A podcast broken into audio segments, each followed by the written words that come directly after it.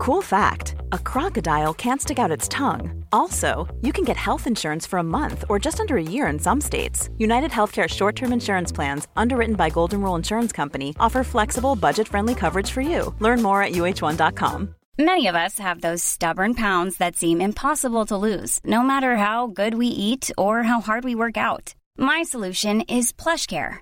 PlushCare is a leading telehealth provider with doctors who are there for you day and night to partner with you in your weight loss journey. They can prescribe FDA-approved weight loss medications like Wagovi and Zepbound for those who qualify.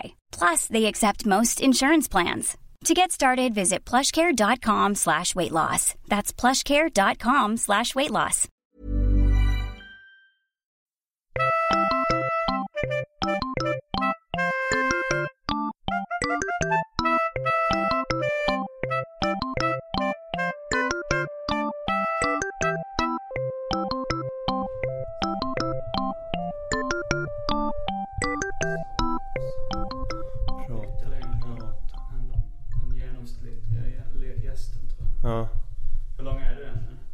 83, en 84 typ. Jag har nog haft rätt mycket korta personer. Jag vill, det är, så, jag vill, är som Prince. Jag vill inte ha så mycket långa personer runt omkring mig. För, då, för jag känner mig... är det så? Har han så korta människor i sitt band och sådär? Ja, jag har hört att han gör vissa grejer. Eh, alltså så här att eh, han till och med har liksom på vissa pressfoton och sånt digitalt förstorat sig själv. Ja. Och det är inte bara, han jobbar inte bara med perspektiv, att han oftast står lite längre fram. Utan ibland går de verkligen in i Photoshop-filen och Bara blåser förstår- upp honom. Ja, förstår upp honom lite. Ja, det är, trots all den här framgången så, så kan han liksom inte komma över det här att han är, han är lite för kort. Kanske kan det vara så att eh, hela framgången bygger på mindervärdeskomplexet. Ja, ja, självklart. Att det är på grund av och inte trots. Ja, han jobbar ju stenhårt ju. Han måste vara en av de mest hårdast arbetande Ja. musikerna fortfarande. Jo, Jag läste det- så stories om att han går, åker ut på turné så har han en jättetjock bok med som är blanka sidor. Och sen när han kommer hem från turnén så är den färdig, liksom fylld med låtar. Mm. Så han kan bara gå direkt in i studion och bara spela in dem. Eh, direkt från, uh, klivit av liksom sista gigget Aha. På en turné. Ja, nej men det, det, det är alltid liksom... I podcasts i Sverige speciellt tycker jag det diskuteras ganska mycket. Kanske speciellt i Värvet det här liksom. Eh, vad som är ens drivkraft och hur mycket som är mindervärdeskomplex Ja. och, och liknande. Och det, jag slits ibland mellan det liksom att tänka att Ja, vad fan man håller väl på. Det är ju ett roligt jobb att jobba med kreativa grejer. Ja. Det behöver väl inte handla om så mycket mindervärdeskomplex alltid. Nej. Men sen samtidigt så kan det ju det, den tanken bara vara så här självförnekelse. Absolut. Att jag lider av extremt, att jag jobbar bara kreativt för att, eh, för att eh, kompensera att jag är mellanbarn under medellängd för tjejer. Ja, ja men visst. Eller så, här, så är det den här, ja men du vet den här jag, jag ska visa dem, vem det nu är. om det är så mamma och pappa eller om det är de, de så, som, som eh, var elak mot en i sjuan. Eller om det liksom är så folk man ser på stan som man tror hatar en. Liksom. Jag, ska, jag ska visa dem att jag kan. Eh, eller så har du de här monumentbyggarna som vill liksom bygga något stort och lämna efter sig. Ja men kan inte, kan inte det vara också, man vill lämna någonting efter sig för att det måste väl ligga något, något annat i grunden. Ja, jo absolut. Absolut. Eller jag vet, jag vet inte om det är så. Alltså jag, jag är väldigt... Eh, eh, jag, om det... Juryn är fortfarande ute. Om Ja. det tvistar du lärde. Verkligen. och så vidare. Välkommen till Arkivsamtal. Eh, första avsnittet på år två kan man säga. Det är avsnitt 53. Jag heter Simon Gärdenfors och eh, mitt emot mig sitter... Ska jag säga vad jag heter? Ja. Martin Soneby.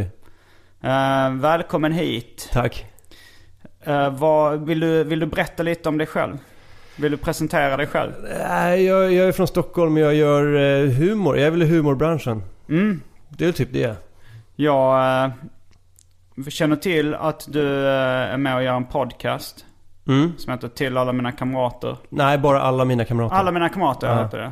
Ja, till alla? Ja, det jag blandar ihop det med Loka Karnaps serieroman Till mina vänner och fiender. Finns det inte någon roman som heter till min. Ja. till min mor eller något sånt där? Det Till min dotter om jag hade min- haft någon. Ja, just det. Just det. Nej, alla mina kamrater heter den. Med, med Fritte Fritzson och David Reed. Mm, den har jag lyssnat på ett gäng gånger. Den är rolig. Sen kör du stand-up comedy också. Mhm. Jag vet inte varför jag uttalar det på engelska. För att du raljerar lite. för att du är så här, ja, ska du, håller du på med stand-up comedy? Ja, jag, Är du- jag får kör- skit rätt mycket för Håller det. på mycket med rap music. Ja men det, det är svårt det där med, med låneord från engelskan. För Ja. liksom, man måste lägga sig på någon slags mellannivå där. Verkligen. Det, det, in, det känns inte helt okej att säga allt för svenskade ord. Liksom. Speciellt inte om, om man... Eh, alltså så här, nu för tiden säger väl de flesta inte Manhattan längre. Nej. Utan men Manha- Vad säger Man, du? Manhattan. Manhattan. Ja, så det är lite, lite äh, amerikanska ä, Ja, a. Manhattan. Men man får inte säga Manhattan. Nej, nej. man Då, är man en jävla idiot. Så man måste lägga sig där på, på bla bla jantelagen vid svenska så stela mellanmjölk bla bla nivån. Absolut. Jag hörde någon snubbe på, på McDonalds som stod framför mig en gång. Mm. Eh, han, han fick frågan vad han ville ha att dricka och han bara, han pausade lite så bara Sprite. Sprite. Sprite. Ja, men du vet, när riktigt amerikan när de säger Sprite på supertjock amerikanska. Sprite. Så. Ja, man var såhär, vad fan. Är du det- säker på att det inte var amerikaner? Ja, det var jag. Jag var rätt säker på det. Uh, jag höll på också att störa ihjäl mig på en kille på Subway häromdagen som beställde en, en footlong. Ja, Och oh. så sa det lite för amerikanskt.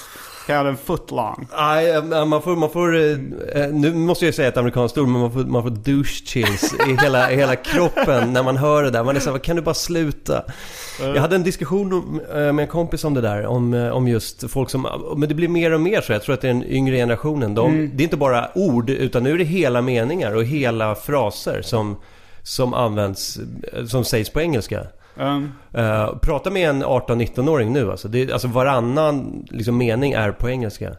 ja, frågan om det är bra eller dåligt. Ja, Alltså, nej, det är, väl, det är väl varken eller. Men jag, jag tycker, jag bara ryser när jag, för att Jo, jag, jo. Känner, jag känner att de förmodligen inte har så, så mycket grepp om det engelska språket. Nej. Utan de, bara, de härmar amerikanska. De härm, härmar engelska. Men jag tror inte de är så jävla duktiga på det egentligen. Ja men det är väl så man lär sig ett språk egentligen. Alltså så, som lär man sig svenska också genom att härma andra. Ja, det är möjligt. Men jag, får, jag, får, jag kan dra parallellen till de här som håller på att trixa med en fotboll och så här snurrar, du vet, lägger bollen på ryggen och står på händer. Och, ja, men lite, lite sådana som håller på och, och står på torg och, och gör det för små pengar liksom. Men de är jävligt duktiga.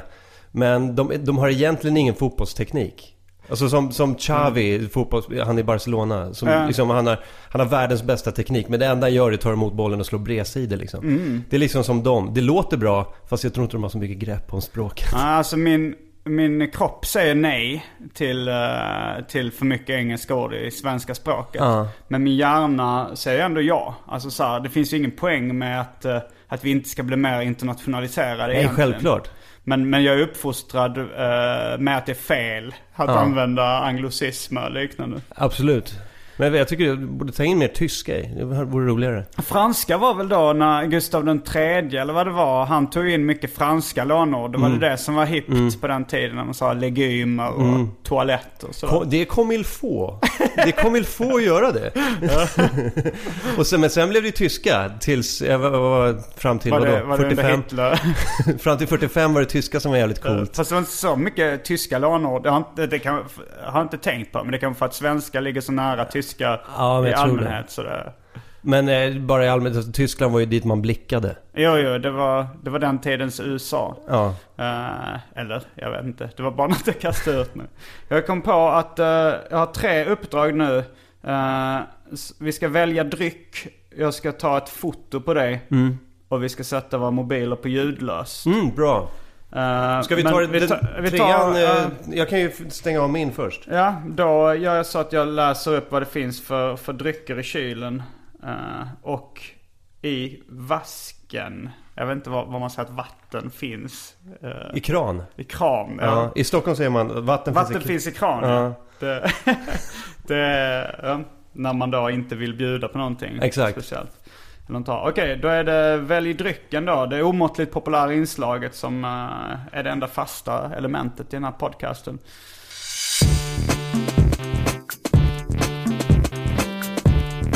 Jag tror vi börjar med det fasta inslaget. Välj drycken! Eh, då har vi, eh, det är mycket kvarglömda grejer i min kyl nu som folk som har varit på besök har glömt här. Okej.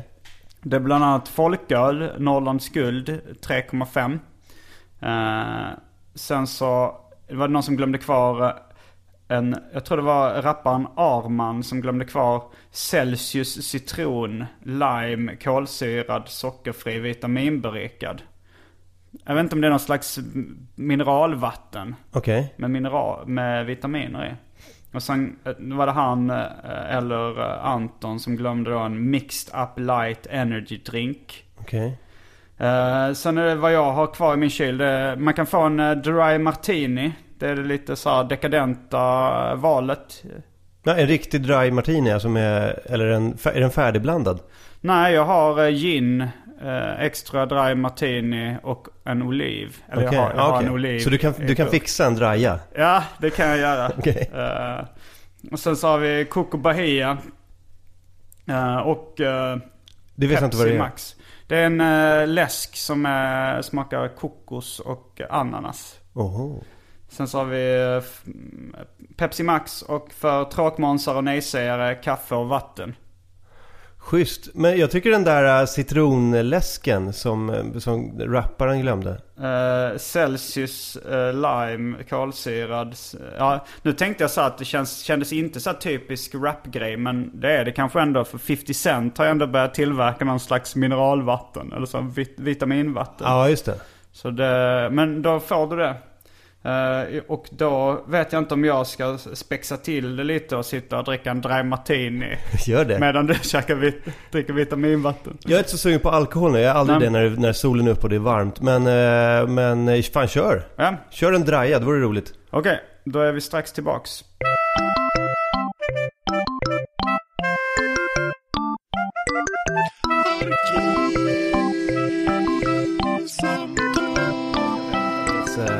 Tills vi börjar spela in och så dricker jag.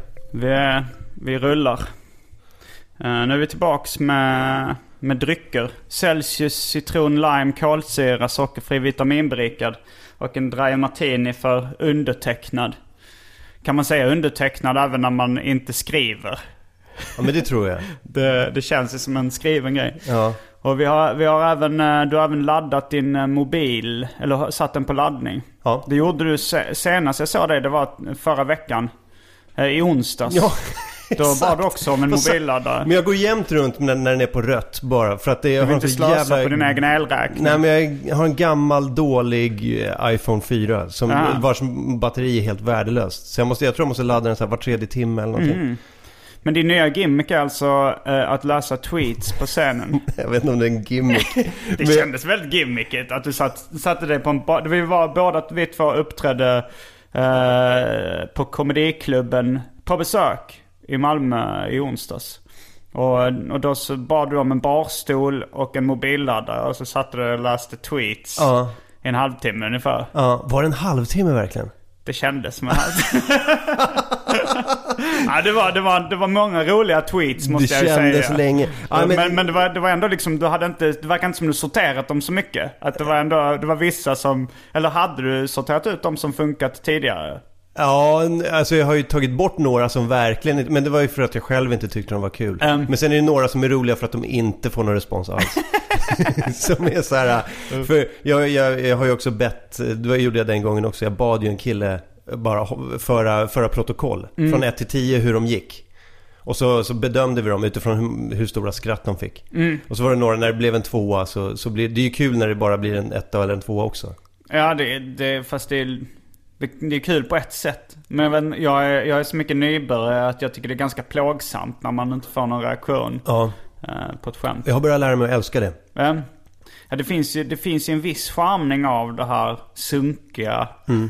När det går dåligt också. Men det får ju inte gå, alltså det, det finns ju en viss gräns. Det får ju inte gå liksom för dåligt. Då Nej. är det ju bara illa. Eh, Men, eh, men när det liksom skaver lite och sådär, då är det, det, känns, det känns kul.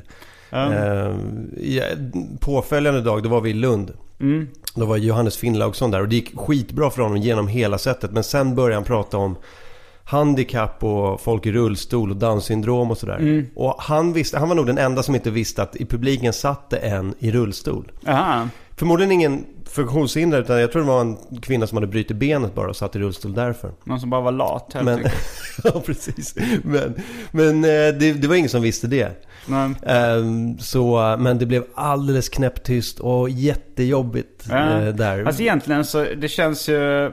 På ett sätt så känns det ju bättre att kunna dra skämt, skämt om utsatta folkgrupper när de väl hör det. Det blir lite som det här snacka skit bakom ryggen grejen. Vilket å andra sidan man kan försvara att det är ju inte...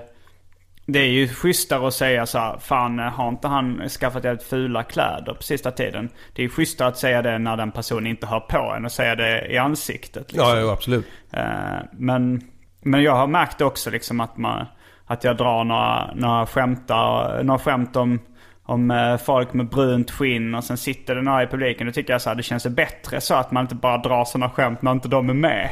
Jag stryker inte sådana skämt liksom för... Bra, nu har de gått. Nu kan vi börja skämta på riktigt. Du kan dra rullstolsskämt. Ja, visst. Ehm, nej, men som, jag vet inte. eh, jag, jag tror jag, jag, det är väl ingen gimmick direkt så här att jag har en, men jag har gjort det där kanske fyra eller fem gånger. Men, men tanken är väl att jag kanske... Gjort eh, vad? Ja, men den här Twitter-grejen. Ja, att jag läser tweets. Men tanken är väl att jag ska få ner den kanske till en 7-8 minuters rutin. Ja. Så att jag läser, säg att jag skulle läsa 15 tweets då. ja. Eh, och... eh, eh, men jag, det, det är inte så att jag gör så här att, att det är min grej nu. Jag trodde verkligen det var... Jag, jag, jag snackade med, med... Jag tror det var kanske Johannes Finnlaugsson som sa just det är hans grej nu. Ja, men om, det, om du menar nu menar den med den senaste månaden så jo, kanske. Men det är ingenting, det är ingenting eh, jag har planerat att, att, eh, att göra enbart. Att bli Twitter-komiker. Det låter, det låter som att man så desperat i så fall vill hänga med i det senaste. Eller kanske Instagram-komikern som, Ja, visst. som eh, har... Ja, fan det hade varit rätt roligt tycker jag ifall det var en, en gammal gubbe. Vad heter han den, den gamla gubben som brukar uppträda? Karl-Axel Björnberg. Karl-Axel Björnberg. Ifall han liksom printar ut sina Instagram på diabilder så han har en diabildprojektor och kör så här och så läser upp sina roliga texter till det. Det hade jag verkligen uppskattat. Men nu, nu hade det väl varit Vine-komikern i så Ja, fall? i och för sig. Ja. Fast jag tror att det är om Karl-Axel, det ska vara kul att han liksom, ett, en eh, komisk aspekt med det ska vara att han, att han inte har hängt med att Vine är det senaste. Ja. Och det andra är att han fortfarande kör med diabilder. Ja, ja, att han visst. inte har en dator som... Att han ska ha framkallat diabilder också. Man ska se att han matar in.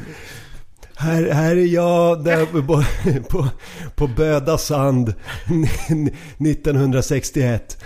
Det ska inte vara några skämt heller i Nej, nej, det är bara en bild när han, bara står och pratar, pratar om semesterbilder. Semesterbilder live är en ganska rolig, roligt koncept i sig liksom. Att, Ja. Alltså för jag tänker, folk har väl, alltså det, har, det tog väl folk 20 år ungefär, mänskligheten i Sverige att inse att ingen ville se på diabilder. Eh, nu är i och för sig Instagram, eller så här, Instagram är ju i stort sett diabilder. Men det är lättare att avfölja än att tacka nej till en diabildskväll som mina Ja. föräldrar inte kunde göra. Vi barn fick bli medtagna på diabildskvällar. Tre timmar och så ser man hela det här batteriet, det här runda. Så, jävlar vad många bilder det är kvar nu. när de bara precis har börjat. Jo, ja men det, fan. Kristoffer Linnell, en, en komiker, hade en jätterolig grej på Karl-Axel Björnberg när han gjorde stand-up på Big Ben.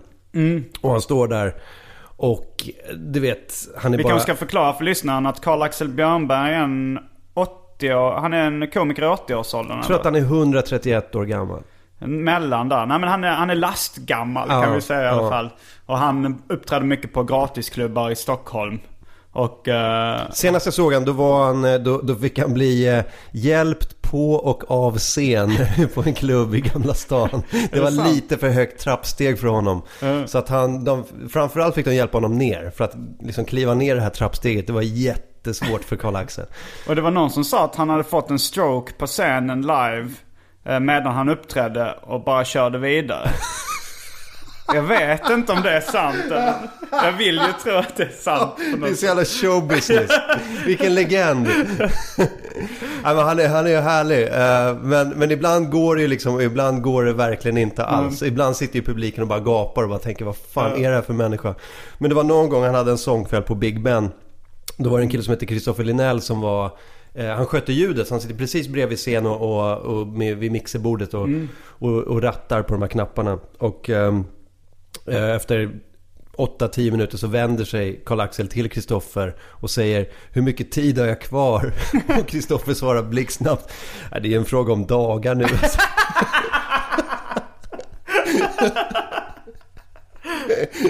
Uh, alltså, jag, skrattar. Jag- Jag funderar nu på ifall, alltså så här, hur mycket tid är jag kvar? Det är en fråga som komiker ställer när de är på scenen och har fått fem minuter. Så kan man Exakt. säga att de har två minuter kvar. Uh, men uh, nej, det var ju riktigt jävla bra. Ja, väldigt bra Uh, Sen var det en annan gång fan, jag måste ju ha med Karl-Axel i podcasten. Absolut, Det- han är med på allt Han, han, han Ja, tackar ja till men- precis vad som helst Jag ska nog... Jag vet inte hur man får tag på honom. Han kanske inte Facebook, har... har han är Facebook? väldigt aktiv på Facebook Aha, ja. okej. Det är bara att höra av sig där. En gång för det var kanske, det här var 2007 eller någonting. Vi var i, eh, i Uppsala och giggade. Då var det också sån där det var också en sån här kväll, han, han, pratar ju mycket knulla och sånt där. Och det Ja. finns ju en regel, så jag vet inte om du talar om den här 39-regeln. Nej, det Att efter det. man är 39 år gammal så blir det lite jobbigt att prata om sex Mm. eh, på scen. Alltså för publiken. Ja, ja, ja. Eh, ja, allt, eh, Hur gammal är du? 37. Okej, du har två år Mm. på. Exakt. Alltså jag vet inte, jag tror nog att, eh, att den nya generationen kommer lyckas bevara sin ungdom lite längre. Det är möjligt. Man knuffar nog Har man en ung eh, aura eller en utstrålning som är lite yngre, då går det Ja. nog liksom. Men, men ingen vill höra en, en äldre man eller kvinna prata väldigt ingående om sex. Nej. Men det gör ju Karl-Axel som Ja. 80-åring. Så bara står han där och bara pratar om hur, hur han raggade under andra världskriget ungefär. Ja, det, Så- det, ja, det är väl till och med att han raggar nu för tiden. så. Ja, Mm. men, eh, men den här Uppsala-publiken kunde inte ta det alls. Nej. De är ganska stela där uppe. Mm. Så, eh, så de sitter där och, och skruvar sig i bänken och sen efteråt så, jag går på efter Karl-Axel då så säger att Karl-Axel är ingen professionell komiker men det är så att han har cancer så det här är bara en grej han vill göra innan han dör. så, imorgon ska vi, så imorgon ska vi åka go-kart och på fredag är det fallskärmshoppning. som att, som att Karl-Axel har en bucket list. men då, då mjuknar de, då fattar de i alla fall att så här, han är inte, han, han är okej Karl-Axel. Ja. Jag funderade på det ifall, eh, ifall eh, Larry David kör sexskämt. Alltså det är kanske inte samma sak i sitcom som på scenen eh, som stand-up Sitcom. Sitcom. Men, men han kör kanske inte, man, man, det, det är väl det att folk kanske inte gärna vill ha upp bilden av den gamlingen i, Nej. mitt i akten. Nej men Larry, jag tror Larry Davids eh, vinkel på, på sex när han gör det i sin show och sådär. det- Jag tror att det är mer att, så här, att, att, att just han, att han är väldigt gammal. Och att det blir jävligt jobbigt. Hela hans liksom, stick handlar ju om att Ja. det ska bli jävligt obekvämt liksom. Jo, han Så- hade ju någon, någon lång, ett avsnitt som handlade om att han satt ett könshår i halsen. Ja just det.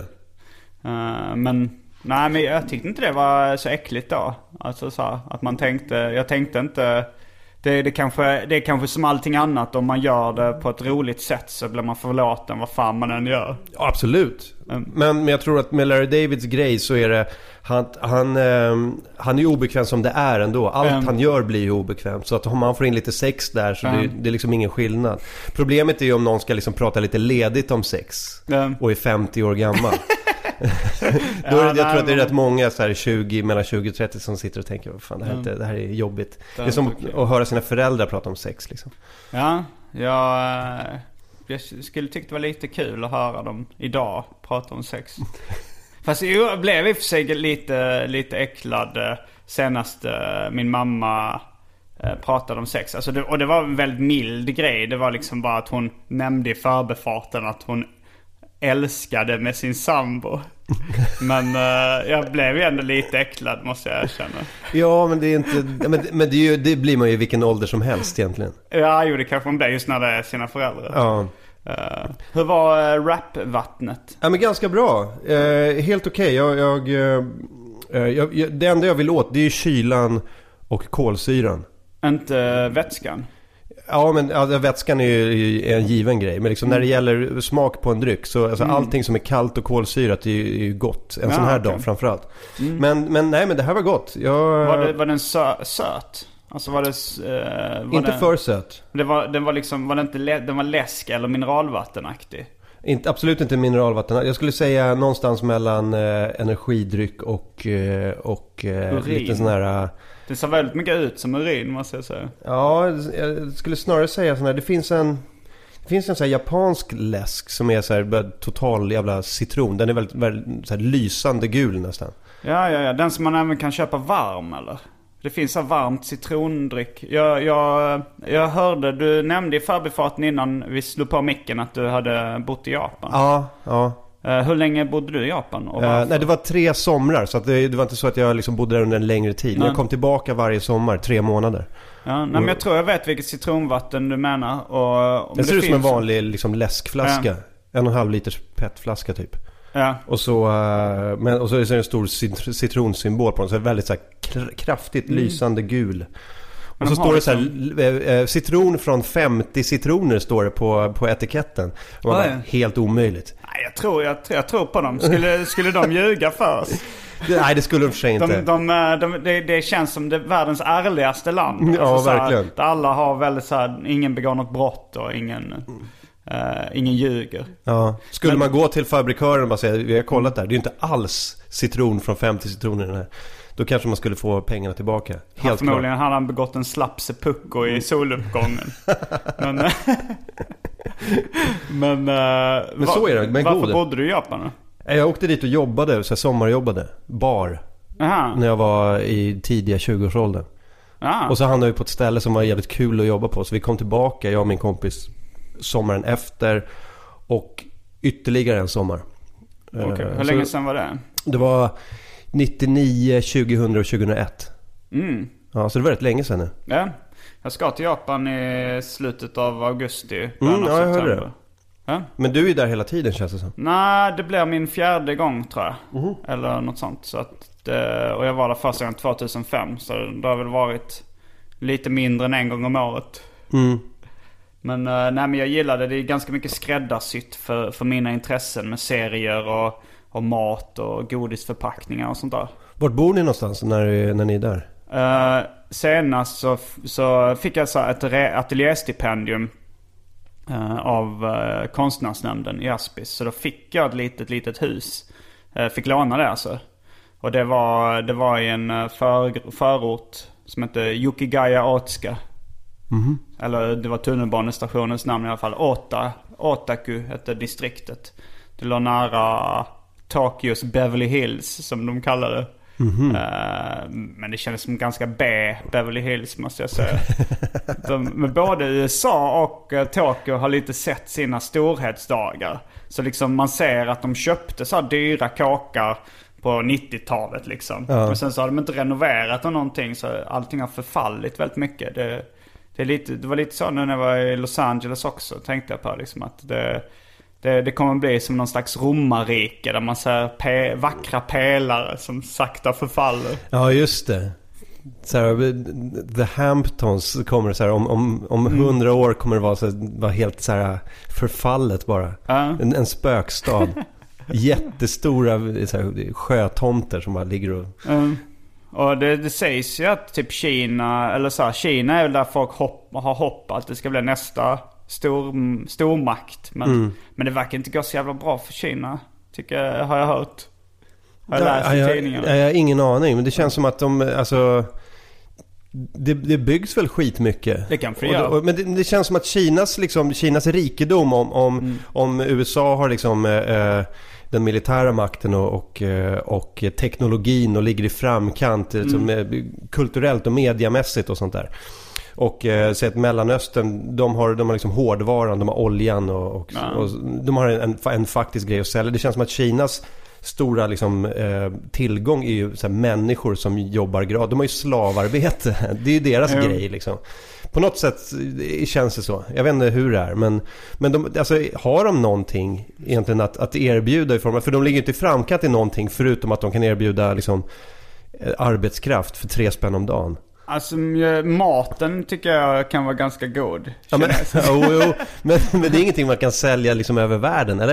Eh, nej, det, det är nog svårt. Alltså så här, ifall de inte, ifall de inte hittar på någon snabbmatskoncept som McDonalds eller liknande. Ja, eller just alltså, så att så varenda Kina-restaurang är typ en sån här filial för den kinesiska staten. De kanske fejkar så här autenticitet. Egentligen är det bara ibland, eh, det är en kartell liksom. Fast Ja. de, eh, det är en franchise där de liksom låtsas att varje grej är en liten, liten.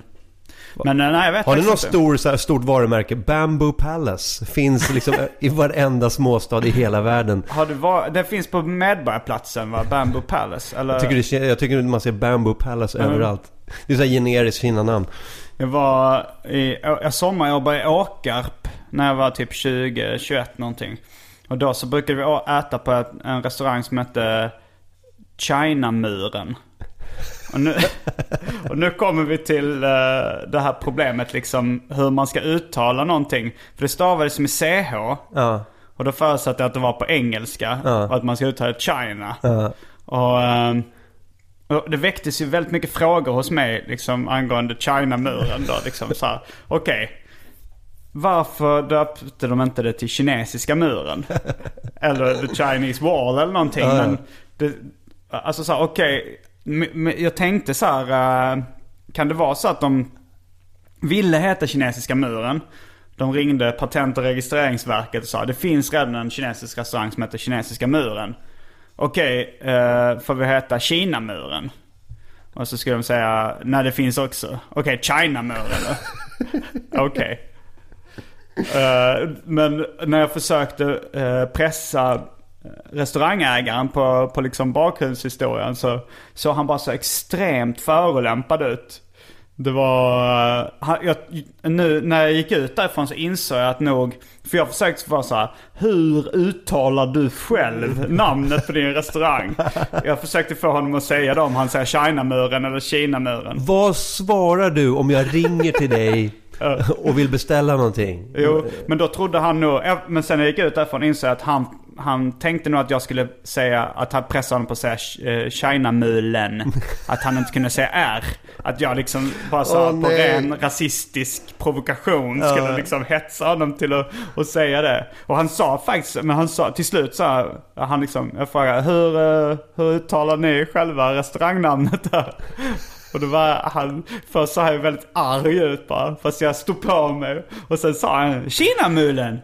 Så han sa det ändå Han liksom. sa med Kina. Och han sa mulen också. Men, Ja. men han sa Kina liksom. Ja. Så, men Viss, alltså det är, det är ju inte bara China-muren som har, det är ju China-teatern, det är China-tvätten. Så det är exakt. väldigt många som stavar det med CH. Ja. Det är sant. China-teatern. Eh, men det ja kan- just det, Kina-teatern ja. Fan, det har jag, inte ens, jag, har, jag har inte ens tänkt på att det stavas med CH. Det, utan det har ju alltid varit Kina-teatern för mig. För mig har det alltid varit China-teatern. Är det så? Ja, ja, men det var efter Kinamuren. Det var efter, efter det flyttade jag till Stockholm. Och då Ja, var jag liksom... Jag, jag vet inte. Jag har, jag har en grej för att märka ord. Ja. Och att uttala grejer som på engelska. Men Har, har du varit i Japan en gång och börjat prata om eh, the election? nej. Var, men jag var- Ah, erection. Ja, jag, var, eh, jag jobbade bar väldigt mycket och så började man, liksom, så bör- så började man komma in på politik. Så här, man styrde alltid inne på politik bara för att få, bara för att få någon säga. Och så var det någon gång så, här, han var, så frågade jag när röstar ni då? Han bara Well the election... Han sa perfekt! Han sa perfekt election! Han gjorde det? Ja! Okej, ja. Varenda jävla ord så, så växlade han R och L. Utom just eh, eh, election. Jag blev skitförbannad. Men du ly- lyckades aldrig få något roligt så här. Nej. We have erection every fourth year. Nej. Ingenting. Ah, fan. Ja, det är helt... så Då tror jag så här, men du gör det med flit nu. Ja. Du, du byter ju med flit. Du kan ju uppenbarligen säga election. Så vad, vad fan håller du på med liksom? Eller så var det att han eh, pratade om erektionen. Jag trodde att du också gjorde det Att han, från början. faktiskt, att han faktiskt pratar. Fast han bytte. Vad gör vi i den här baren om vi inte pratar om eh, erigerade Och vad var penisar? din fråga då? Vi måste ju gå till botten med det här och se ifall han skulle kunna ha missuppfattat det. Om du frågade om... I want to talk about... Jag vill tala om uh, erektionen. No, no, no, I'm talking about politics. Ja, ja, det, det går ju att... Och få det till det också. Men du har inte varit tillbaka i Japan på länge? Nej, jag har inte varit det. Det skulle vara skitkul att åka tillbaka. Se Mm. vad som... eh, För vi, vi, när jag bodde där, då var det ju liksom... Det var ju den här... Den här japanska grejen som efter sedermera så Gwen Stefani och alla andra de här plockade upp hela den här Harajuku-grejen. Eh, med, med just med serier och klädstilarna och allt sånt där. Ja. Det plockades ju upp runt 04-05, var det inte så? Mm. Det blev väldigt brett då i alla fall. Jag kommer ihåg att eh, just det, deras skiva Plast. Det var det väl så här, jag hörde att det var någon typ reklamare som, som berättade för dem att eh, Japan kommer starkt nu. Och så körde de liksom sådana här, Mm. Ja, ja, de kanske- samplade in lite asiatiska röster. Och Ja, okej. det, var, det var typ i mitten av 90-talet. Ja, det var 95. Ja, Ja, men de kanske Du var kan för... alltså det exakta årtalet. Jag kan Ja, min just det. Nej men jag minns det för att jag, jag var utbytesstudent i USA så kom jag hem då. Då hade just det släppt den här skivan. Mm. Eh, så det var 95. Men vad heter det? Men ja men de, de kanske var lite före sin tid då. Ja, nej, men det var väl lite så här, jag kommer ihåg att typ Ac- Acne, den reklambyrån, just hade liksom hade sin storhetstid då, eller i Mm. alla fall sin start då. Att de körde jävligt mycket på eh, Japan och Hongkong kitsch. Ja visst. Som en, som en, ja men de kanske var, Sverige är ju väldigt snabba på att plocka upp nya trender så här, Ja, göra det, göra det stort. Men sen kanske det pikade då runt millennieskiftet eller s- 04 eller någonting. Ja. Ja, men jag, man minns ju att det, blev, det, det kom ut de breda lagren där eh, kring, eh, va, va, ja men 04-05 kändes det som. När Robin startade Konichiwa Records. Absolut, ja men precis. Så, eh, när, men när vi var där, då var det, det var jävligt, det var väldigt nytt. Jag hade aldrig sett något liknande. Eh, när, man, när man hängde runt där i, i Harajuku och Shibuya Mm. och, eh, och såg, ja men du vet, eh, kläderna och, och designgrejerna och eh, Mm. de här små, jag vet inte, färgglada leksakerna precis överallt liksom. Mm. Men vad, vad har du på gång eh, nu eh, för tiden? Vad jobbar du med? Eh, Eller är, Jag, det- jag, jag, plockar väl, eh, jag plockar väl gigs här, lite här och där. Jag har några manusjobb eh, Mm. att göra. Ska Vad skriver grej du manus till, eh, till SVT Play. Mm. Eh, ska vi göra en grej nu i sommar. Det är väl den närmaste. med Um, vilket produktionsbolag? eh, det är tre vänner tror jag. Det. Vi ska göra någon grej om, om fotboll Mm. för SVT Play. Ehm, som kommer i höst. Inte humor? Ja, det ska väl vara lite humor i det. Okej. Ehm, och sen, eh, vad fan har jag gjort mer? Jag har gjort eh, några webbfilmer. ehm, som, eh, så, så här, lite, lite halvreklam, reklamigt. Mm. Eh, lite promotionfilmer för Wolverine. Filmen som kommer i juli nu. Så du har blivit anlitad av eh, filmbolaget? Ja. Att, eh, av Marvel? Eller Disney är det väl nu för tiden? så. Ja, jag tror det är Fox som distribuerar. Det, var- det var Okej. Fox som, som, som ringde mig i alla fall. Så klär du ut dig till Wolverine eller? Nej, men faktiskt det, det var en annan kille som klädde ut sig till... Alltså Mm. själva sticken var att jag ville ha en egen Wolverine för jag tyckte Wolverine var cool. Ville ha en egen? Ja, så jag vill ha en egen Wolverine. Och så Mm. tar jag en kille och gör om honom till Wolverine. Och ser till att han får skitmycket stryk. Mm. Och så här, för Wolverine får ju mycket stryk. Nej. Och så, eh, och så ska den, eh, ja, han, ska, han ska ner i en boxningslokal och få, få spö. Så blir han omgjord, får polisonger som Wolverine och så här. Och så är vi ute liksom borta vid Skansen. Och bara kollar in de, de riktiga järvarna. Mm. Eh, och, och så är det så här. Ja, han ska imitera Wolverine så mycket som möjligt. Är de, är de ute på nätet? eh, jag, tror, jag tror den första är ute på nätet. Vi kan kanske lägga en länk. Mm, det kan vi göra. Du får eh, skicka den till till, mig. till, eh, jag gjorde den i samarbete med, med ett bolag som heter Splay. Splay. Som, som gör grejer på YouTube. Mm. Ehm, så, det, så det kan vi kanske göra. Ja. Så det är väl det jag har gjort. Vad fan har jag gjort mer? Jag, jag, det känns som jag gör små, små gigs hela tiden. Jag, här, jag ska göra lite internfilmer för något, för något bolag också. Alltså intern reklamfilmer. Men, eh, Så, det är väl det, som pr- pröjsar Mm. pengarna. Men sen vill jag ju bara göra stand-up liksom. Men du, du, kör inte, du får inte så mycket betalgig som stand-up-komiker? Nej, det är ju klubbgig och de pröjsar ju ett par tusen om man, är, liksom, om man har tur. Vad är, vad är, vad är företagsgig-alternativet eller? Vad är, Ja, fast jag kan inte göra det Man- alltså. Det är Efter- hemskt att göra För att företagsgig. det är för jobbigt. Alltså personligen. Ja, du vet du, du går därifrån och bara mår jävligt dåligt. Det är knappt värt pengarna. Nähä. Eh, för att eh, du vet, det är folk som inte har- har bett om det. De, Mm. de kommer hit så sitter de där och så bara nu blir det underhållning. och så kommer man upp Mm. för att det är någon som heter Gitte som har, som har liksom Ja. fixat en fest till företaget. Så ingen vill egentligen ha stand-up comedy. Och det är jävligt eh, trögt och, och, och liksom jobba över dem till sin sida. Liksom. På en klubb då har ju folk gjort det aktiva valet att gå dit och, och sätta sig och faktiskt vilja ha någonting. Mm. Jag har, jag har ganska nyligen börjat med stand-up. eh, så jag har inte fått några erbjudanden om företagsgig. Uh, jo, bara, bara ett företagsgig som var gratis, där jag inte fick något betalt. Liksom en kompis eh, förlag. Men, eh, men jag, jag liksom tycker det verkar väldigt spännande. Både, både för den här dåliga stämningen som man på något sätt skulle kunna njuta av riktigt. Ja, eh, och det att man får betalt. ja. Det, så jag, jag, ser fram emot det. Jag kommer säkert bli, bli avtänd på det någon gång när jag väl har fått det liksom. Ja men grejen är när du får bra betalt också. För man, man tar ju bra betalt för företagsgig. Annars skulle ingen Mm. Göra det. Nej. Det, det, det jobbiga med dålig stämning då är ju att du har... Du går därifrån med en massa pengar som du känner att du inte förtjänar riktigt. Ja. Alltså fixar du dålig stämning på en, på en gratisklubb Då är det så här, men vad fan, ingen har förlorat någonting. De Nej. folk är liksom, det är inte så att du har pröjsat för det här. Utan man går dit och så Överenskommelsen är att man, man jag, jag vill testa mina grejer. Jag gör Ja. precis vad jag vill. Mm. Och du är här av egen fri vilja liksom.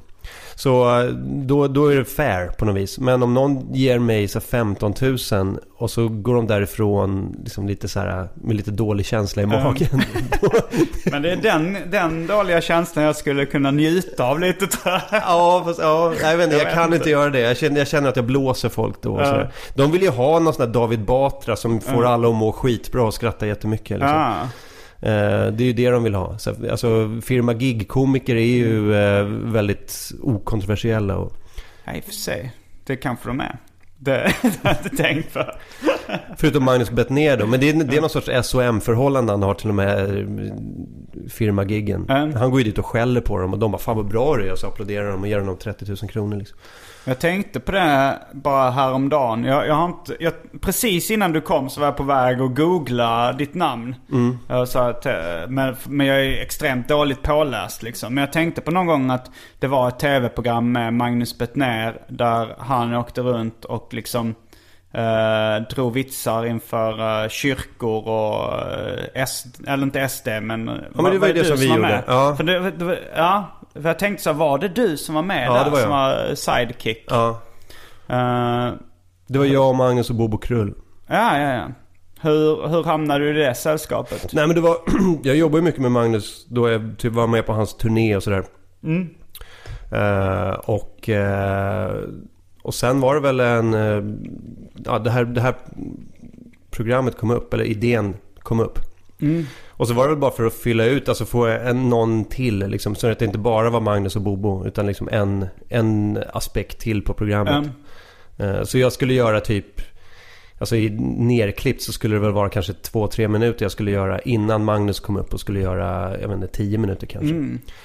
Eh, Men, eh, men det var alltså, tanken var ju att han skulle prata om sådana känsliga ämnen inför den publiken som, ja, vars ämne han faktiskt pratar om. Mm. Så pratar han om religion så skulle det vara i en kyrka eller i en moské. Eh, var det politik skulle det vara inför någon sån här ungdomsförbund Mm. eller någon herrklubb och prata manlighet. Och så. Ehm, så, så det var väl lite så. Arbetsnamnet var Svår publik. Ja, vad det? blev slutnamnet då? I ditt ansikte heter det. Ja. En anglicism. Ja. Eh, men detta kanske ändå för oss in på eh, att vi kan backa bandet och köra någon slags minivärvet på 20 minuter. Hur började allting? Vi, eh, det här, Med- vi, vi, nej men hittills har podcasten varit det här. Nu börjar vi mitt i, ingen vet hur han hamnade här. Ja, och nu så kommer det så här filmklipp. 15 år sen tidigare, eller jag vet inte hur långt. När, hur tidigt började du med, med humor? Ja men det var ju, det var ju typ då, alltså det var ju kanske 2000, säg 2005 eller 2006 kan man säga. Jag Vad gjorde du innan? Jag pluggade. Eh, Jag pluggade på juristlinjen och så, eh, så läste jag där i två år och, eh, och sen bara sket jag i det. Mm. För att jag tänkte, jag kommer inte bli jurist. Och Du vill inte bli det? jag jurist. vill inte, jag hade aldrig någon tanke på att bli det faktiskt. Jag ville ju bara åt utbildningen egentligen. Men du tyckte det verkar roligt att utbilda dig? Eller du ville Eh, veta nej, men jag, gillar, alltså jag, gillar, jag, jag gillar eh, tanken på att kunna juridik jävligt bra. Mm. Det är en liten paranoid känsla sådär av att liksom, jag vill inte bli blåst. Ehm, Och det, och det är svårt att blåsa en jurist. ja, det är det kanske. Ehm, det var faktiskt så var det en, en, ett Jerry Seinfeld-skämt som fick mig att börja läsa juridik. Mm.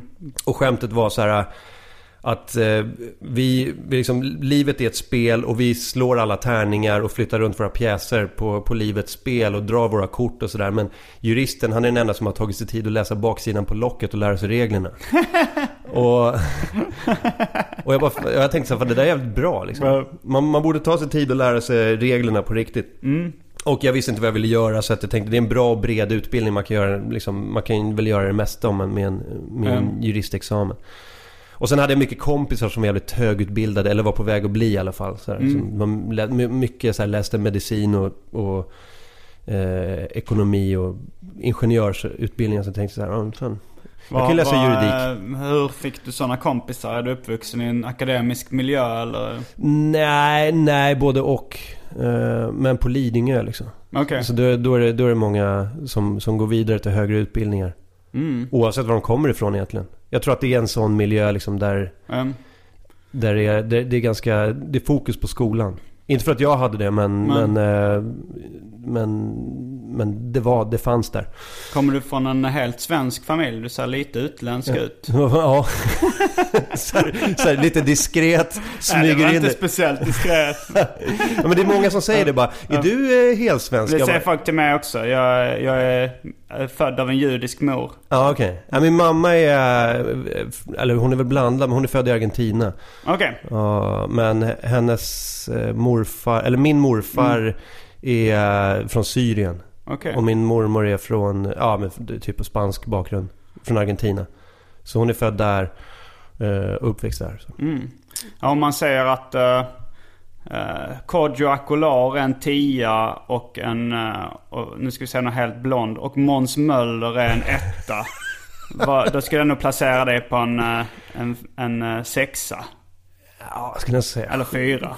Sjua? Sjua, du tycker. Var skulle du placera mig någonstans? Eh, tre?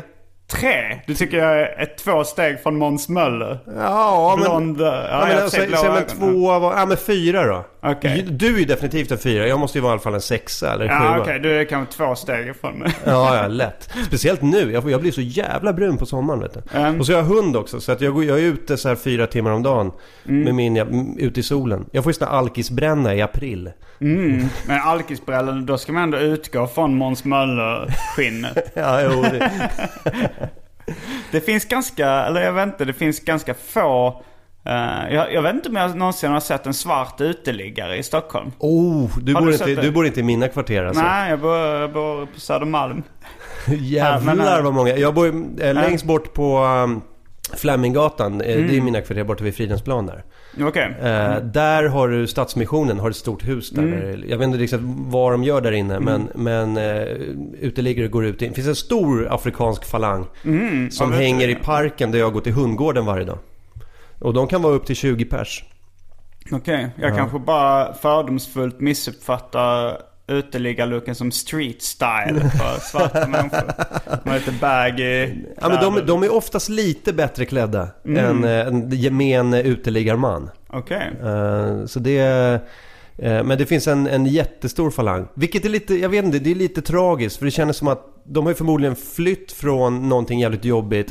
Hamnat i systemet. För att man liksom, man hamnar ju inte bara, man tar ju sig inte över, det är inte så här mexikansk gränsspringning på något vis. Jag, jag tror att de är reggade någonstans. Och Mm. förmodligen har något typ av skyddsnät, någon typ av administration kring Mm. sig. Och sen har de liksom fallit ur den på något vis. Eh, Eh, så att, och så, och så är man så här, att, men... Ja, det är ingen som skjuter på dem, men det är jävligt hårt att vara uteliggare i Sverige. Kan man inte vara uteliggare i Grekland Ja. eller någonting? det, det stämmer faktiskt. Det är ju liksom... Man borde ju ändå, ifall man... Fast det, det jag, jag har gått på SOS. Det är ju skitjobbigt att fylla i de här papperna. Jag tänkte verkligen på det när jag gjorde det så här. Inte en chans att någon med, i en utsatt position fattar det här eller orkar göra det här. Nej, jag visst. var ändå liksom fullt frisk, eh, ambitiös, Ja. ung man som kunde språket perfekt. Ja. Och jag tyckte det var jävligt jobbigt. Ja, ja, visst. Skitsvårt. Så det, det är lite samhällskritik där. Men fortsätt vad du... vad du vad Tillbaks du, till de afrikanska... eh, Eh, nej, nej, just det. Ja. Ehm, eh, jo, och sen, men sen bara sket jag i det. Efter två Mm. år, då var jag så här, fan vad det här är... Det, där jag, jag, de, jag tappade all lust för Mm. juridik. Eh, det var kul, det var bra utbildning men, men, eh, men jag tappade all lust för det. Blev lite så här desillusionerad och så, så kom jag inte tillbaks på höstterminen efter tvåan. Men, Och så... eh, jag vet inte riktigt vad jag gjorde. Jag rökte gräs i typ ett år. det kan bli ett heltidsjobb. Ja, Men, eh, vad, men du hade CSN-lånet kvar då? Eller? Jag hade CSN ett tag Mm. och sen, ja men du vet när poängen inte tickade in så, Mm. så, så klipptes det av. Okej. Och sen tog jag lite så här ströjobb lite här och där. Mm. Eh, och, och gjorde inte så mycket. Men jag tror jag tog, jag tog i alla fall två terminer och gjorde nästan ingenting. Mm. Eh, Hur gammal var du då? Jag kanske var 27. Oj, och du Ja, hade inte nej. börjat med stand-up eller? Nej, jag började med stand-up när jag var 29. Okej. Ja. Och, eh, och sen, men sen var det någon kväll när jag satt liksom med framför Det här var innan YouTube. Mm. Så jag bara, du vet när det var svårt att få fram videoklipp på datorn. Men så, så hamnade jag på någon sida som hade mycket humorklipp så här med svensk standup. Och så såg jag klipp från svensk standup och tänkte fan men jag kan göra det där bättre. Mm. Tror jag. Jag, kan skriva, jag kan nog skriva bättre skämt. Och jag kan nog framföra det bättre än dem också. Mm. Och, ehm, och så tänkte jag att jag, att- men jag, jag skulle ge det en chans i alla fall. Mm. För jag har alltid varit humorintresserad liksom och, humornörd och, och så letat upp Mm. Har du varit den roliga killen? Gänget? Eh, ja, men det tror jag. Ja. Ehm, den här, man, man får den här frågan ofta så här, var du klassens clown? Men det känns Ja. som att vi var typ tio clowner Ja. i min klass. jag var ju bara en av alla clownerna. En ensemble? Ja, det var ju riktigt, riktigt stor ensemble vi hade. Ehm, men, men visst var det så. Och så var, var man alltid... Jag vet inte, det var alltid en sån här... um, När man hängde med äldre så var det... Så var det, alltså man, det var någon typ av eh, respekt man fick när man, när man lyckades få in ett skämt och sånt där. Mm. Och jag tittade på de äldre, hur de skämtade med varandra. Alltså Mm. skämtade fram och tillbaka. Ja, mycket så här i skolan. Eller du vet efter, efter eh, gympalektioner eller efter Mm. innebandy. Så här, så omklädningsrums... Eh, eh, humor liksom. Um, Eller för, förfesthumor. Bastuhumor. Ja men exakt. Eh, så det var väldigt mycket så här... Ja men du vet skit som kastas åt olika håll och Ja. sånt där. Och comebacks och sånt där. Jag bara tänkte så här, man, man, på något sätt fastnar man vid det där. Ja. Eh, och sen kollar man mycket på stand-up också. Och så, eh, nej men så jag, jag skulle ge det en chans. Så att jag gick en, en kurs. Jag hittade någon sån här folkuniversitetskurs för Mm. Thomas Oredsson. Ja. Och så gick jag den i en vecka. Och då fick man läxa varje dag och så fick man liksom säga sina skämt för klassen och sånt där. Mm. Och sen på onsdagen tror jag så sa Oredsson att "Men jag tror du har fem minuter nu. Målet var att man skulle ha fem minuter i slutet av veckan. Mm, mm, Färdigt material och lever, alltså att uppträda med. mm. Och så tog han med mig på något ställe och så bokade han in mig på, på Norra Brunn tror jag. Så här, och göra mina fem minuter. Och sen efter det så, så sa jag att jag skulle, liksom, jag ska köra hundra gånger. Och om det Mm. skiter sig då, då... Eller om det inte har hänt någonting efter hundra uppträdanden. Och Då, vad menar du med hänt någonting? nej men att, att man känner att man är på väg någonstans. Ja. Ehm, att, man, att, att det liksom rullar på något sätt. Ja. Ehm, men om, man står och, om jag står kvar och stampar efter hundra gånger då, då, då är det nog inte för mig liksom. Nej. Men, och så, så började jag liksom boka upp mig och tjata till mig tider och sådär. Mm. Men sen redan efter 15-20 gånger så kände jag att det, att det började rulla. Men vi var ju mitt i en hype då också så att det liksom... Mm. En eh, alltså, allmän stand-up-hype i Sverige. Ja.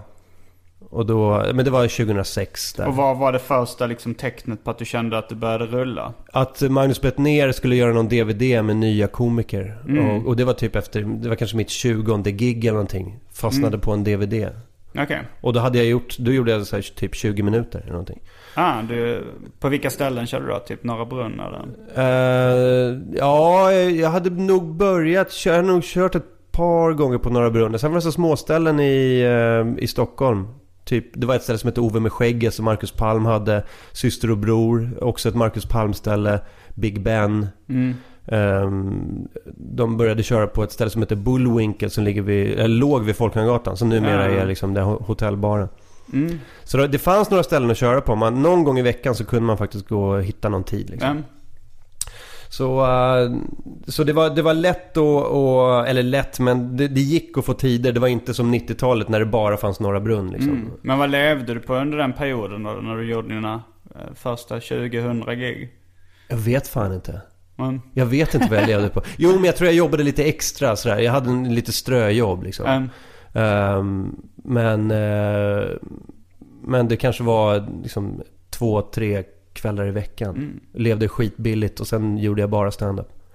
har, du, eh, har du gjort någon sån här längre intervju innan där du har gått igenom liksom eh, hela ditt liv Nej, från, från ax till limpa? nej. Men vad hände sen då efter du fastnat på den DVDn med... Alltså Nej. så här, vad, var, vad var nästa grej du kände att så här, nu, nu är jag på väg? Sen, sen hängde jag med Magnus på, eller jag vet inte om det var s- 2007, eller om det måste ha varit 2007. Då gjorde Magnus en, eh, bet ner en sån här stor eh, landsomfattande turné, typ Mm. 50-60 eh, kons, eller vad heter det, så här konserthuslokaler. Mm. Så öppnade jag för honom.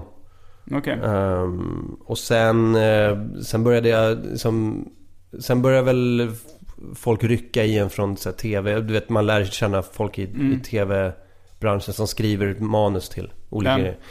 Så började jag skriva manus åt, eh, ja men du vet de här Parlamentet extra extra programmen och allt det Mm. där. Eh, och, så, och så fick jag något redaktörsjobb och så började man mer och mer komma in i TV-humor, liksom, den svängen. Eh, tills man inser att fan vad det här är dåligt. fan vad dåligt det är. Alltså tv-utbudet. Ja, Ja, eller tv liksom produktionsvärlden i allmänhet. Alltså så dåligt system eller? Ja men det är bara dålig kvalitet i allmänhet. Mm. Eh, jag vet inte, det, alltså, det är väldigt många begåvade människor som är involverade men Ja. det blir skit som kommer ut på andra sidan. På något Och vis. vad tror du det beror på? Jag vet inte. Jag har ingen aning. Jag tror att det, dels är det väl sättet. Sättet man skriver skämt på. De, alltså, Mm. Filtret är liksom, det, det, det stoppar riktigt bra humor. Och liksom folk, folk skickar in bra grejer i Mm. ena ändan men det filtreras ut till så allmänt bara så här blasé-skräp i, i slutändan. Mm. Ja, det kanske är att det är bred underhållning och då tänker de att då får det inte sticka ut på, på något sätt. Det får inte provocera för mycket. Och, Nej, och det måste liksom, folk Mm. måste fatta, liksom, Mm. även den dummaste människan måste fatta det. Mm. Och det gör att liksom lite smartare skämt försvinner. Eh, så det, så det, var, det var lite. Och sen blir det ju så också när man jobbar med det där dygnet runt nästan så, så kommer ens, egen, ens egna skämt, ens egen produktion Mm. i, liksom i baksätet. Och så, så jag slutade nästan skriva skämt åt mig själv för att jag jobbade så mycket. Mm. Så det bästa hade ju varit att ha ett helt totalt så här okreativt jobb Mm. vid sidan om och sen liksom fokusera all sin kreativa kraft på sina egna skämt. Men, eh, Ja. men eh, det, det gör man ju inte. Man tycker det är så jävla, det är så smickrande att någon vill ha ens grejer liksom. ja, och att folk vill betala pengar för och det, dem. det måste är jävligt bra betalt också i TV. Ja. Det är det. Eh, Men du sa att du var comedy-nörd innan och eh, kanske fortfarande är. Vilka favoriter har du inom liksom stand-up-svängen? Eh, Eller komedisvängen i allmänhet kanske? de flesta är ju döda. Ja men det, du kan ändå... Eller så här, George Carlin eh, Mm. har jag gillat sedan 90-talet. Um, Eh, död. Eh, de senaste som jag gillar som är, som är döda nu, så Greg Giraldo. det vet jag inte vem det är. Eh, skitduktig snubbe. Eh, som, han dog väl förra året tror jag. Det är lite som i rapbranschen att de som blir mest hypade är de som blivit mördade eller dött Ja. på olika sätt. Men... Ja men det, alltså de flesta, det är ju fan, komiker dör ju mer än rappare känns det som. Ja, det är olika. Alltså Mitch Hedberg gillar jag väldigt också, mycket. ja, också död. Uh, Patrice O'Neill upptäckte jag strax efter han hade dött också. Ja. Men, uh, jo, det är väl rätt många. Patrice Neal var ju fantastisk alltså. frågan är varför uh, komiker... Alltså rap, många rappare blir skjutna. Det är Ja. rätt vanligt liksom. Men komiker kanske är det här... eh, det kanske är det här mindervärdeskomplexet som sen liksom slår över när folk blir världsstjärnor och liksom slutar i drogmissbruk eller självmord eller någonting. Ja, nej, men jag tror, dels tror jag att det, de är rätt trasiga från början. Mm. Och sen är det en jävligt jobbig livsstil. Men, Och säga, flyga, liksom de flyger mellan olika städer och, och, och gör stand-up och så hamnar de i, på hotellrum och tar lugnande och så liksom. Mm. Eh, Det Det, var så Greg Giraldo dog tror jag, bara på ett hotellrum eh, och- efter att ha tagit någon smärtstillande eller någonting. Mm. Bara för att somna säkert. Det var, inte nog, det var nog ingen självmord utan det var nog Nej. bara en, så här, en olycka.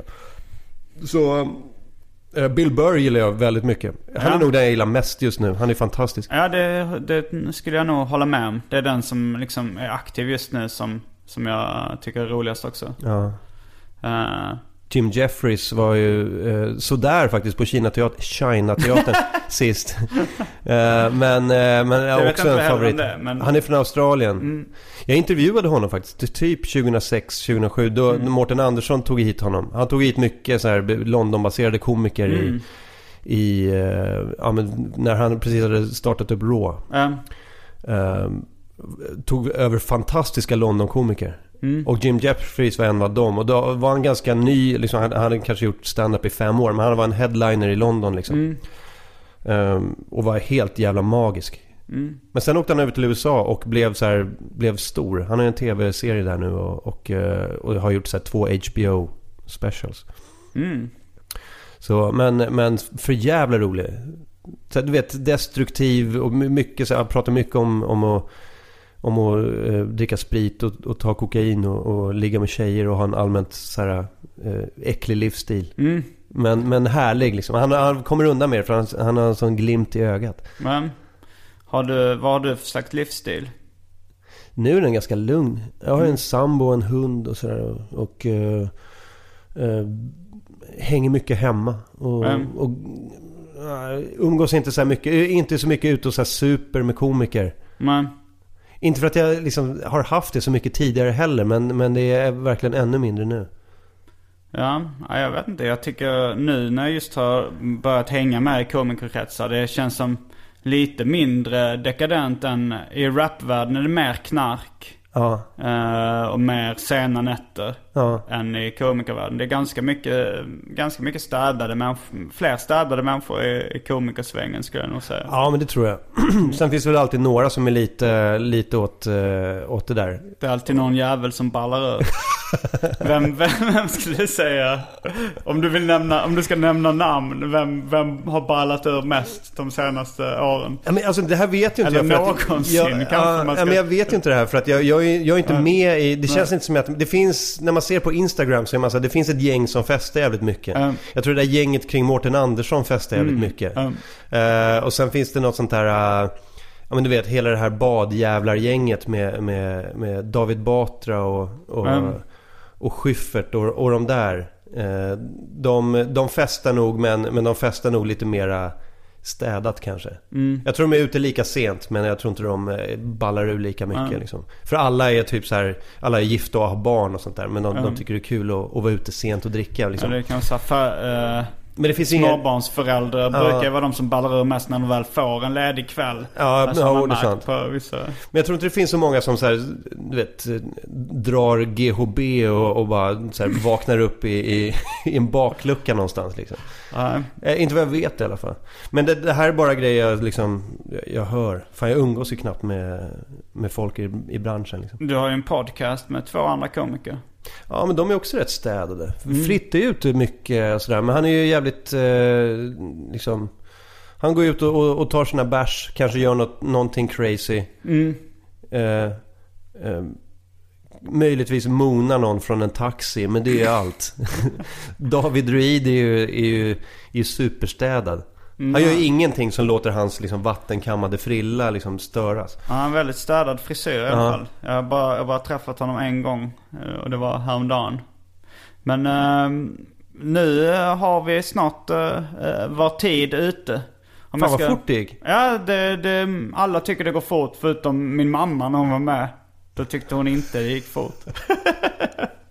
det är den enda som har sagt att så här, För jag tyckte ju då att det gick fort också. Så jag sa, sa, sa ju liksom så här, Ja, tycker du det visst känns det inte som en timme? Jo. Så hon, hon tyckte det kändes som en timme. Hade du din mamma här? Vad, vad pratade ni om? Det, vi gick igenom hennes eh, liv.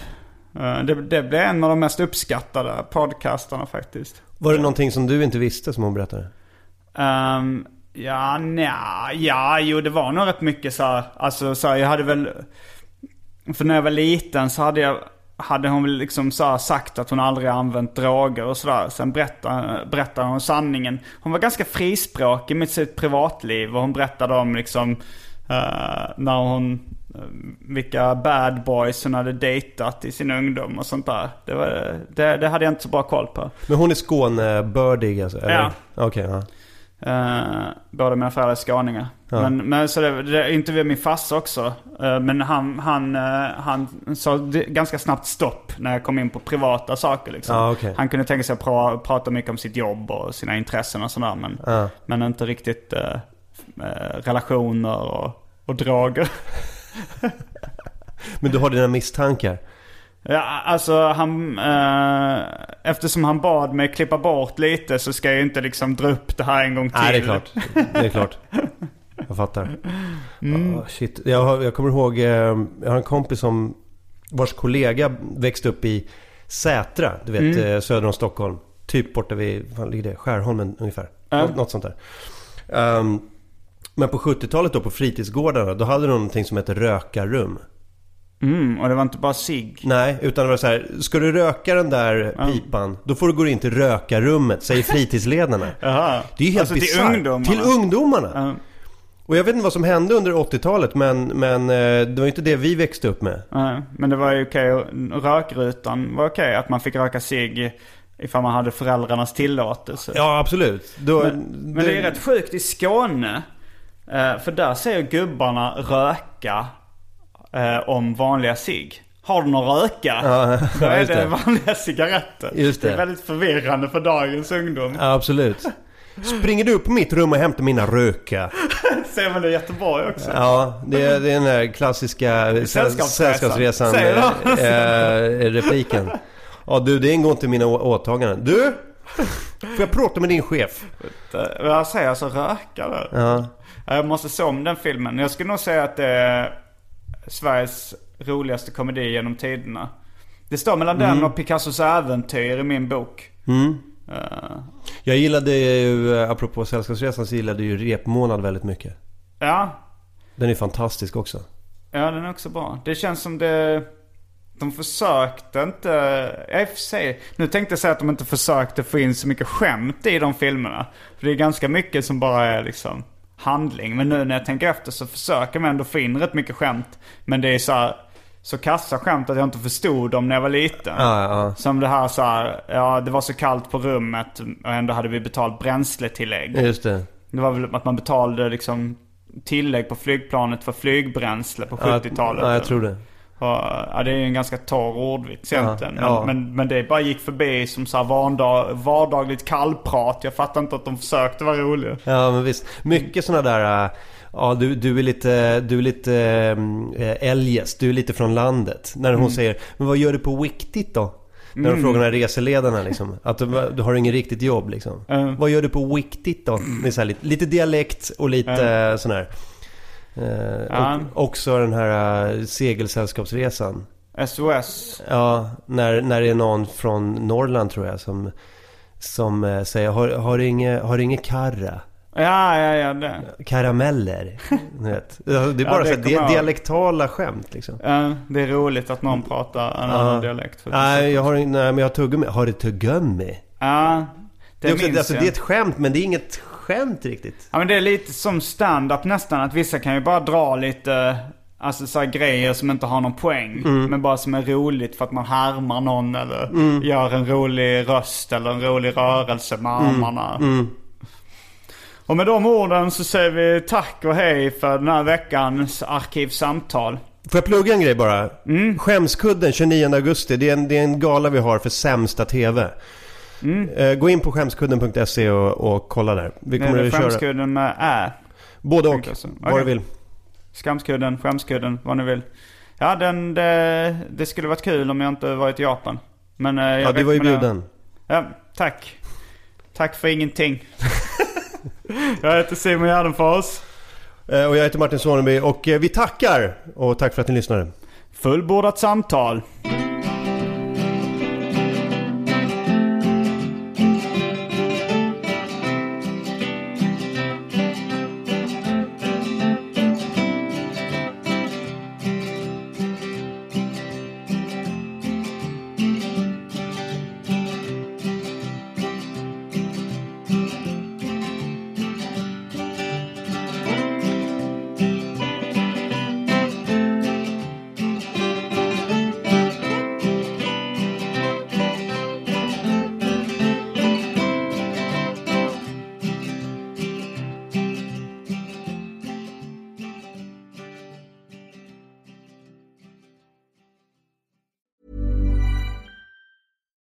Catch yourself eating the same flavorless dinner three days in a row? Dreaming of something better? Well, HelloFresh is your guilt-free dream come true, baby. It's me, Gigi Palmer. Let's wake up those taste buds with hot, juicy pecan-crusted chicken or garlic butter shrimp scampi. Mm. Hello Fresh. Stop dreaming of all the delicious possibilities and dig in at HelloFresh.com. Let's get this dinner party started. Hey, it's Paige DeSorbo from Giggly Squad. High quality fashion without the price tag. Say hello to Quince. I'm snagging high-end essentials like cozy cashmere sweaters, sleek leather jackets, fine jewelry, and so much more. With Quince being 50 to 80% less than similar brands. And they partner with factories that prioritize safe, ethical, and responsible manufacturing. I love that. Luxury quality within reach. Go to quince.com slash style to get free shipping and 365 day returns on your next order. Quince.com slash style.